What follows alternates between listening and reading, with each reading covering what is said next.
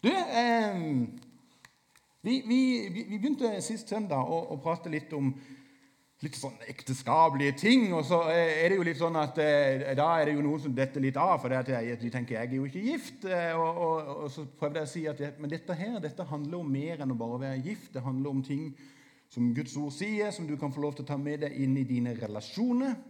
Eh, og, og, hvis du er singel, så er dette gode råd å bruke til den dagen du kanskje skal bli gift. Men, men eh, eh, jeg tror at disse tingene her er noe som vi bør ta til oss litt. Og så Grunnen til at jeg nevner ekteskap litt sånn spesifikt, er rett og slett bare for å hjelpe oss. For veldig mange av oss står oppi et eller annet ekteskap, på, på godt og vondt. Altså, Ekteskap er ikke alltid en dans på roser. Det kan av og til være lurt å hente noen sånne ting fra Guds ord som kan være med å hjelpe oss. Eh, eh, og Jeg har lyst til at vi skal starte med det samme verset som var sist. og det, det står dette her i salmene. og Dette er Jesus Gud som sier til oss jeg vil gjøre deg vis. Jeg tenker Det er et veldig bra utgangspunkt. Altså Han vil gjøre oss vis, og så vil han lære deg den vei du skal gå. Jeg vil la mitt øye hvile på deg og gi deg råd. Det er fantastisk. Han vil la sitt øye hvile på oss. Altså Vi sier det, Herren lar sitt ansikt lyse, et ansikt som lyser, et ansikt som smiler. Han ser på oss med godhet og kjærlighet, og så vil han hjelpe oss med råd og visdom, veihjelp. Og så kommer vi med praktiske ting som vi kan ta med oss inn i våre relasjoner og i våre ekteskap. Jesus, vi takker deg for eh, denne formiddagen her. Jeg ber deg om at eh, ditt ord må få lov til å prege våre liv. Jeg ber deg om at eh, det må få lov til å lande i at vi er litt åpne for at eh, du kan få lov til å tale inn i oss. Det ber jeg deg om i Jesu navn. Og alt Guds folk sa. Oi, kjære med tid, dette var det svang over. Veldig bra. Du, eh, Jeg vet ikke om det har noe med at jeg begynner å bli oppi årene. Eh, jeg nærmer meg veldig 50. Det er ikke lenge siden jeg ble 48. Til min store glede så ble jeg bare 48, for jeg var helt sikker på at jeg ble 49. Og Så sa Sissel, kona mi, til meg nei, nei, nei, du blir bare 48. Så jeg fikk jo plutselig et helt år bare sånn servert. Det er ikke alle som får et sånn et ekstra år, men det har jeg fått. Eh, men, men, eh, jeg har merka meg en ting jo eldre jeg blir, at det, det er utrolig mye som har endra seg. Altså, altså, når jeg var litt yngre så var det med musikk en ganske stor utfordring. Altså, da, da var det litt sånn at eh, altså, Nå har vi jo all musikk på en mobiltelefon. Spotify Vi kan jo bare spille whatever, si en sang, og jeg spiller den. Ikke sant? Før så var jo dette et kjempeproblem. Altså, vi og hørte på radioen, vi hadde opptakskassett og tok opp. altså For en del av dere yngre så skjønner dere ikke sammenhengen mellom en, sånn en kassett og en penn, men vi andre gamle skjønner veldig godt hva det har med dette å gjøre. Altså, eh, ikke, ikke minst Internett. Altså, Før så kunne vi jo bruke en halvtime på å laste ned en filmsnutt på 30 sekunder. Nå bruker vi jo 30 sekunder på å laste ned fire timer med film. Altså, og, og, fortsatt så syns vi jo det går tregt. Altså, samfunnet har endra seg noe helt enormt. Men det er noen ting som ikke har endra seg i det hele tatt. Altså, som er på en måte helt likt i dag som det var for mange tusen år siden. Og det er såkorn. Altså, Det endrer seg ikke. Såkorn har den samme greia. Altså, Sår du noe? Og det regner jeg med de fleste av oss her inne har gjort en eller annen gang. Så har vi sådd et eller annet. Og så vet vi det at hvis vi sår noe, så er sjansen for at hvis vi pleier dette litt godt, at det vil spire opp noe. Og Ofte er det sånn at hvis du sår noe, så vil det komme mer opp enn hva du sådde. Altså Setter du en potet jeg fikk en gang sagt i en tale hvis du sår en potet Men da kom det en bonde bort til meg etterpå og sa det, at du sår ikke poteter, du setter poteter. Men vi vet at hvis vi setter en potet, så får du mer enn den poteten tilbake. Altså, Det gjør et eller annet. Og Det interessante er at dette her, det snakker Bibelen i bitte grann om. Han sier bl.a. dette her, at eh, den som sår sparsomt, skal høste sparsomt. Og den som sår med velsignelse, skal høste med velsignelse. Og I Galaterne så stender det at det mennesket sår, skal det høste. Altså Det er en sammenheng hva vi sår, og hva vi høster. Og Sår du noe, så vil det bli mer igjen av dette. Så hva skjer om vi begynner å så gode frø i våre ekteskap? eller i våre nære relasjoner. F.eks. noen av de tingene som vi snakka om sist søndag. Da snakka vi om dette her, og, og vi kan på en måte oppmuntring og fellesskap og trøst og omsorg. Hva om vi begynner å så de tingene inn i våre ekteskap? Hva vil da skje? Da vet vi én ting ut ifra at vi har sådd eller satt poteter. At du setter ikke en potet i dag og høster potet i morgen. Nei, det, det tar litt tid. Men det vil skje noe når du begynner å så noe. At det er en eller annen naturlig ting. Og vet du noe? Her er slogan altså, Hva vi sår inn i våre ekteskap eller relasjoner, vil ha alt å si for hva vi høster ut av våre ekteskap eller våre relasjoner. Altså, hva du sår inn, vil ha alt å si for hva du høster ut. Og med det som utgangspunkt så skal vi treffe et ektepar. For du vet det at det, gresset er alltid grønnest der du vanner det. Det er ikke som regel på den andre sida av gjerdet. Det er grønnest der du vanner det. Og Vi skal møte et ektepar i Bibelen. Altså, Bibelen er fantastisk. Det er mer enn 3200 forskjellige personer vi møter i Bibelen, så jeg håper du kan navnet på alle i hop. Eh, og, og, det interessante er at det, dette ekteparet her, det møter du kun én gang i hele Bibelen. Det er kun ett kapittel der det står noe om dem, som det er, det er skrevet noe om dem. Men i det lille greia som står om dem, så kan vi lese ganske mye om disse to her. Og Det som er så fantastisk med Guds ord, er jo at i forhold til mange andre settinger, som f.eks. når vi begynner å ta selfie av oss selv, så tar vi oss alltid på den beste sida. Framstiller oss på best mulig måte. At det ser bra ut. At det er som, Men i Bibelen broderer ikke folk på den fineste måten. Der får vi hele greia. Oppturene, nedturene. Altså livets harde og rå brutalitet vises i Guds ord. Og de vi skal møte nå, er ikke noe unntak. Dette er ikke noen folk som på en måte bare har hatt et dans på roser. Og En av de tingene som dette ekteparet her garantert har opplevd, er noe som jeg tror mange av oss har opplevd, enten i et ekteskap eller i relasjoner. Og det er dette her at det, vi opplever skuffelse. Altså eh, Skal ikke jeg utbrodere sånn eh, alt om Sissel, kona mi og meg? Eh, men, men eh, eh, jeg regner ikke med at det er bare hos oss at vi opplever skuffelse. Jeg har bare lyst til å løfte opp én sånn skuffelse som, som, jeg opplever av og til. Jeg har ikke spurt kona mi om å si dette, men jeg tar en sjanse. Dere kan jo begynne å be for meg. Eh, eh altså, Vi har sånn arbeidsfordeling hjemme hos oss. Det har de fleste. At du gjør det, og så gjør jeg det. Og, og En av tingene er at jeg skifter dekk på bilen. Det er min oppgave.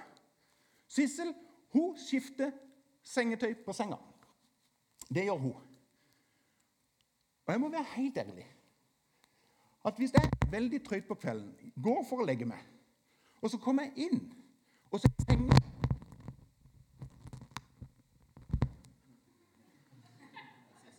Så er sengetøyet tatt av senga, men det er ikke kommet på nytt sengetøy. Er det noen mannfolk som kjenner seg litt igjen? Har du vært med på den der? Du, ja, sånn, takk, Morten, du skjønner hva jeg mener. Og Du vet hva det er, du kjenner på skuffelsen stige. Du hadde meg som sett før deg at nå skulle jeg kunne få lagt meg i god, ny, ren seng. Og der står jeg med ei seng som trenger stor bearbeidelse før jeg kan komme opp. jo. Og jeg kjenner at skuffelsen stiger. Jeg syns det er litt sånn vanskelig. Eh, men det ekteparet vi skal treffe i Bibelen, de har virkelig opplevd skuffelse. Altså, Mitt sengetøyutfordring er en miniatyr i dette her opplegget her. Eh, det du bare må være klar over, det er at eh, skuffelse det er gapet mellom hva jeg forventer, og hva jeg erfarer. Jeg forventer at senga skal være ferdig oppreid, og jeg erfarer at hun ikke er det. Altså Du ser at det, er grønt på den ene sida i forhold til forventninger, og det er ikke så mye grønt på den andre sida av dette bildet. her. Altså, Mellom der så er skuffelse. Jeg forventer noe, og jeg erfarer et eller annet. Og De vi møter nå, de har virkelig hatt forventninger, og de har virkelig opplevd skuffelse. Nå skal jeg bare spørre teknikeren skal jeg finne en annen mikrofon. Nei, jeg skal ikke det. Han nikker, han rister på hodet. Eh, teksten i dag den kommer ikke opp på veggen, så her må du følge godt med. Og jeg leser den ifra dere skal Er du helt sikker på at jeg ikke skal skifte mikrofon? Eh, vi skal i Lukas kapittel 1. Og vi skal lese ganske mange vers derifra, så her må du følge godt med. Og Lukas han er grundig. Han, han, han, gjør det skikkelig. Han begynner med, jeg har gått grundig gjennom alt, og så står det dette her. I de dager da Herodes var konge i Judea Nå tror jeg vi bytter mikrofon.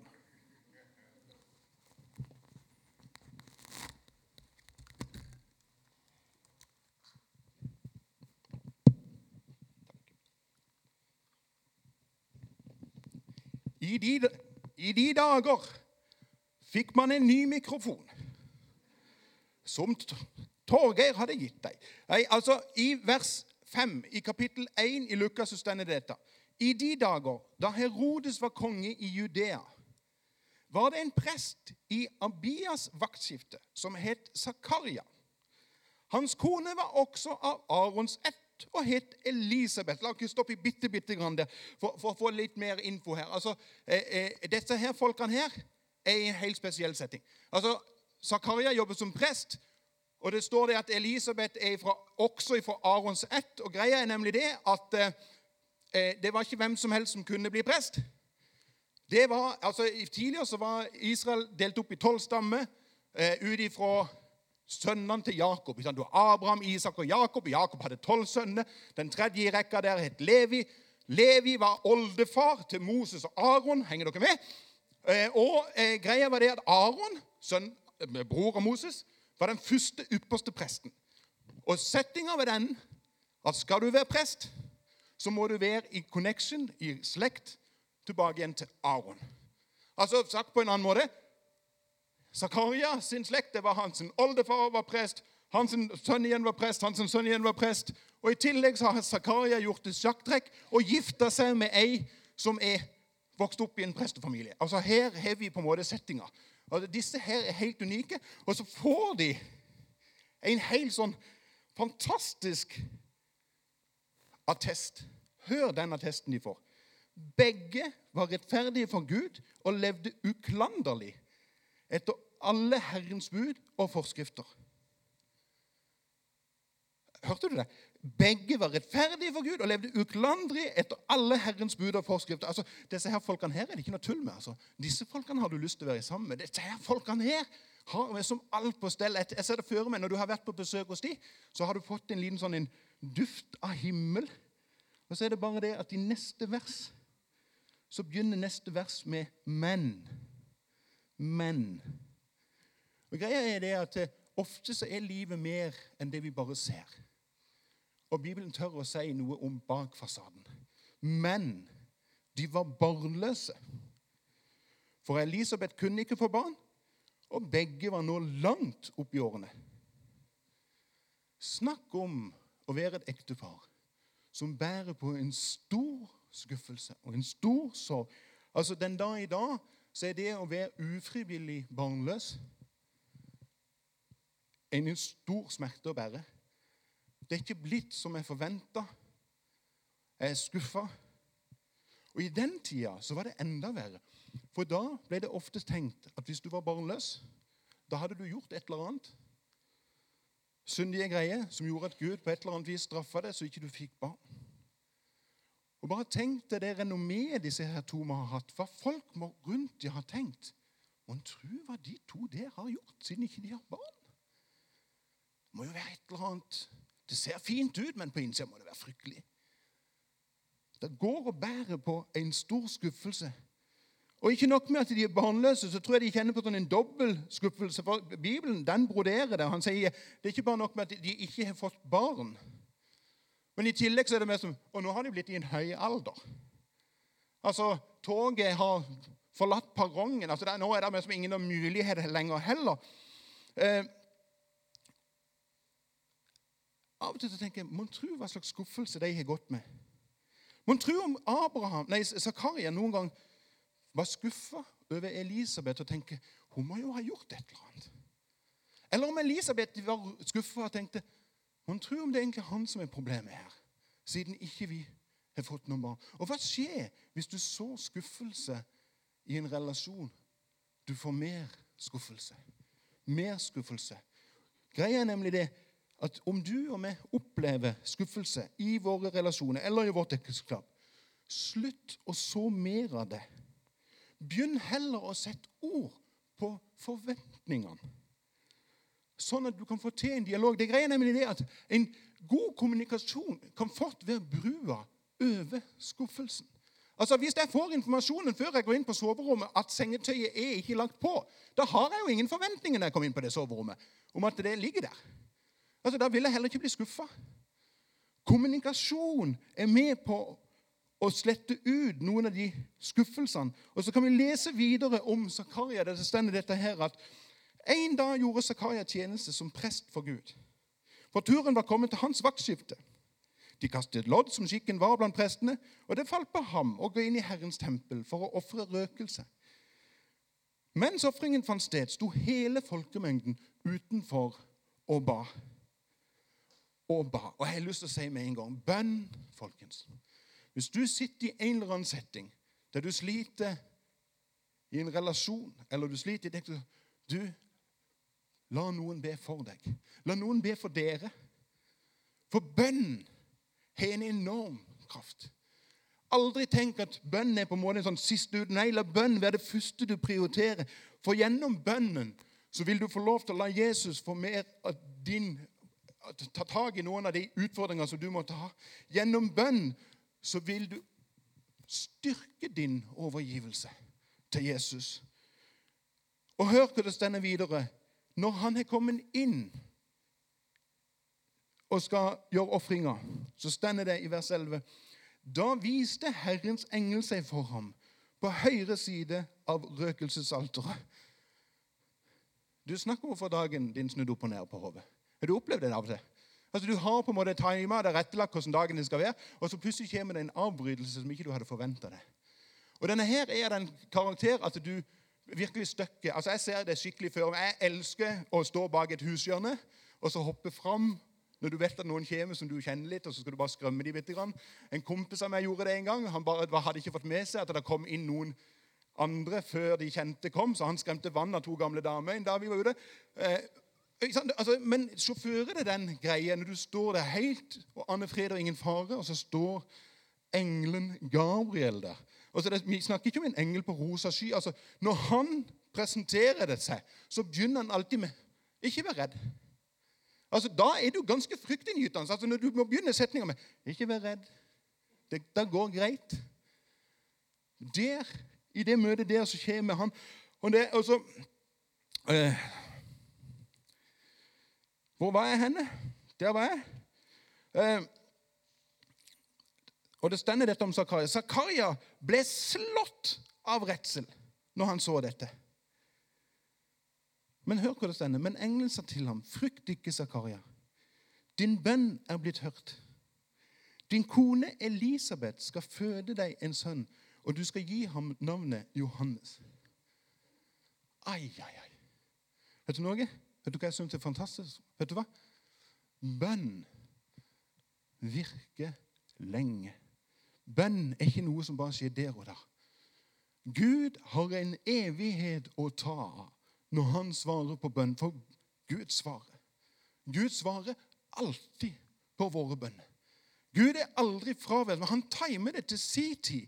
Når han ser at det er til det beste. Ikke når jeg tenker at det er det beste, men når han ser at nå er den rette og belagelige tida til å svare på denne bønnen her. Han er aldri for seint ute. altså Du som ber, aldri gi opp. For dine bønner vil bli svart. Det er ikke sikkert en gang til og med du kommer til å se det i din egen levetid. Det er så mange bønner som er blitt bedt av våre besteforeldre og oldeforeldre. Da de har bedt for sine barnebarn og oldebarn, og de så aldri bønnesvaret, men bønnesvaret kom mange år etterpå. Og her ser jeg føre meg et ektepar som har bedt Gud Gi oss et barn. Gi oss et barn. Og så har jeg lyst til å lese videre, for eh, han, eh, engelen Gabriel begynner å beskrive hva slags sønn de skal få. Og det er ikke hvem som helst. Det er døperen Johannes. Han skal bli pappa til Og du begynner å skjønne at dette her er bare sånn wow! Ikke nok med at jeg skal bli pappa til en sønn, men dette her er en sønn som skal bli fulgt av Den hellige ånd fra dag én. Og så når han har fått hele dette budskapet, så svarer Zakaria engelen. Åssen kan jeg være sikker på det? Den syns jeg er ganske drøy. Altså, eh, Hvis du får englebesøk hjemme en dag, og det står en engelen Gabriel står på sida deg og sier deg et eller annet, da lurer jeg på at etter du har vært veldig redd Det skjønner jeg. Åssen kan jeg være sikker på det? Og så vet du noe? Når du har opplevd skuffelse ganske lenge, så kan det prege deg så mye at det begynner å bli stor tvil uansett hva som kommer. Og jeg tenker det at det, Når Zakaria kan tvile, når til og med Guds engel står der, da tenker jeg det at det, det er lov for oss òg. Det er lov at vi av og til tenker den tanken fungerer dette her. Altså, Mange ganger har jeg tenkt kan dette her ekteskapet fungere. Kan ikke den eller den endre seg? Hvis bare det hadde skjedd, da hadde alt blitt mye greiere. Men hva skjer hvis du så mye skuffelse og mye tvil? Du får mer skuffelse og tvil. Og du vil oppleve å bli mer og mer usikker på om dette her kan gå bra. Vet du noe? Jeg har lyst til å si, som jeg sa sist søndag Slutt å kjempe i ekteskapet. Kjemp for ekteskapet. Hva om vi ville innse at vi er syndere? At vi slutter å kjempe mot hverandre, slutter å tvile på å være skuffet over, og heller bli enige om at vi er faktisk uperfekte. Og fra i dag så vil vi fokusere på å være ekte og elske hverandre. Ikke på grunn av, men på tross av. Fordi at vi sjøl er så høyt elska som vi hørte i innledninga. Og det bringer oss til det siste punktet bestemmelse. For det fascinerer meg hvordan ekteparet Elisabeth og Zakaria har gjort en stor bestemmelse. De stoler nemlig. Selv om man tvilte i utgangspunktet, så stoler de på Guds ord. Og så har de bestemt seg for å leve på Guds ord. Selv om de har opplevd skuffelse, selv om det har vært tvil. Så vil du se at de har gjort en bestemmelse. For hør hvordan det står i, i vers 23. Da tjenestetiden var slutt, vendte han hjem. Altså Da vendte Zakaria hjem. En tid etter ble hans kone Elisabeth med barn. Den syns jeg er deilig. Hvis du leser Bibelen, så legg merke til at det står av og til veldig mye mellom et vers. Altså Det står én plass i Bibelen om jomfrufødsel, og det er ikke her. Imellom der at det står at han vendte hjem og Elisabeth ble med barn, så har det skjedd noe. Og Hva som har skjedd, det kan dere bruke fantasien til å tenke på. Altså, du skjønner det at Greia er nemlig at Gud kan gjøre det, det som er helt overnaturlig. Men vi kan gjøre det som er naturlig. Vi kan be Gud gjøre store under i våre ekteskap og i våre relasjoner. Men det store underet begynner å skje når vi bestemmer oss for å gjøre etter Guds ord. Og la det få lov til å få mer plass, og la Jesus få lov til å være sentrum, sånn at vi så ut det gode han har bedt oss om å så ut. Og Da kan vi si som Elisabeth sa, 'Dette har Herren gjort for meg.' Nå har, jeg, har han sett meg og tatt bort min vanære blant folket. Dette har Herren gjort. Altså Det underet jeg ser Jeg har gjort det naturlig, men Gud har gjort det overnaturlig. Og han skal ha æren. Han skal ha æren. Men jeg har gjort en bestemmelse. Både skuffelse og tvil handler mye om mine følelser. Men bestemmelsen, den kan jeg gjøre. Jeg kan bestemme meg for noe. Jeg kan ta Guds ord og bestemme at det skal få lov til å prege meg.